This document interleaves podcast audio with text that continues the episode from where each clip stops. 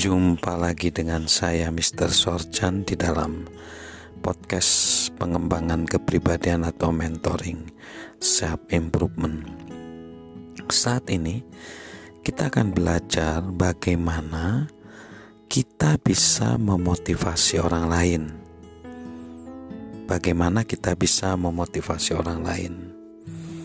Mempercayai orang lain sebelum mereka membuktikan diri adalah kunci untuk memotivasi orang lain agar mencapai kapasitas mereka. Mempercayai orang lain sebelum mereka membuktikan diri adalah kunci untuk memotivasi orang lain agar mencapai kapasitas mereka. Semua orang suka didukung. Dukungan akan membuat mereka bersemangat ketika jatuh dan memotivasi mereka ketika mereka sedang berkecil hati. Agar menjadi seseorang yang mendukung, kita harus mempercayai hal terbaik dalam diri orang lain. Kita harus yakin atas mereka. Kenyataannya, selain sangat penting untuk membangun dan mempertahankan semua hubungan, keyakinan itu pun sangat sulit ditemukan saat ini. Ada empat fakta mengenai keyakinan.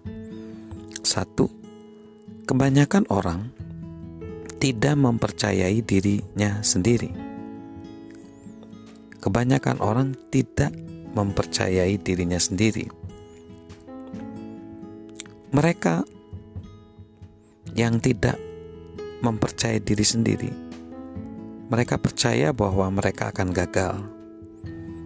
Ketika melihat cahaya di ujung terowongan yang gelap, mereka meyakinkan diri sendiri bahwa itu adalah cahaya lampu kereta api. Mereka melihat kesulitan dalam setiap tanggung jawab. Namun, kesulitan sesungguhnya sangat jarang mengalahkan seseorang.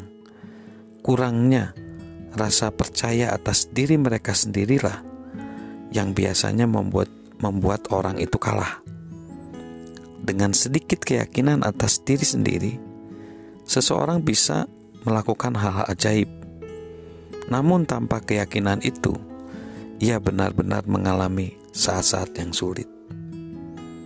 Terus kebanyakan orang tidak memiliki seseorang yang meyakini mereka dalam bukunya Just for Today, James Keller mengisahkan cerita ini.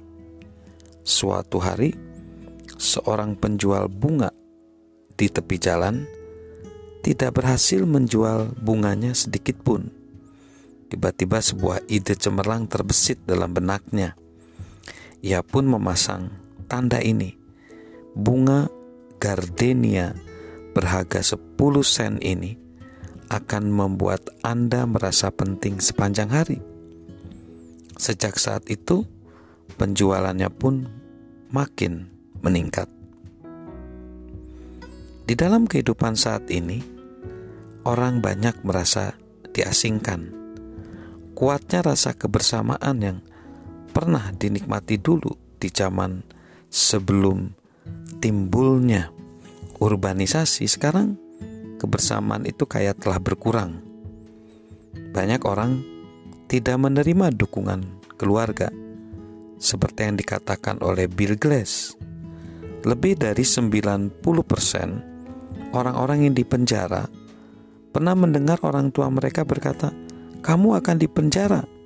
Ketika mereka masih kecil, bukannya mengajari anak-anak mereka untuk mempercayai diri, beberapa orang tua justru menjatuhkan mereka.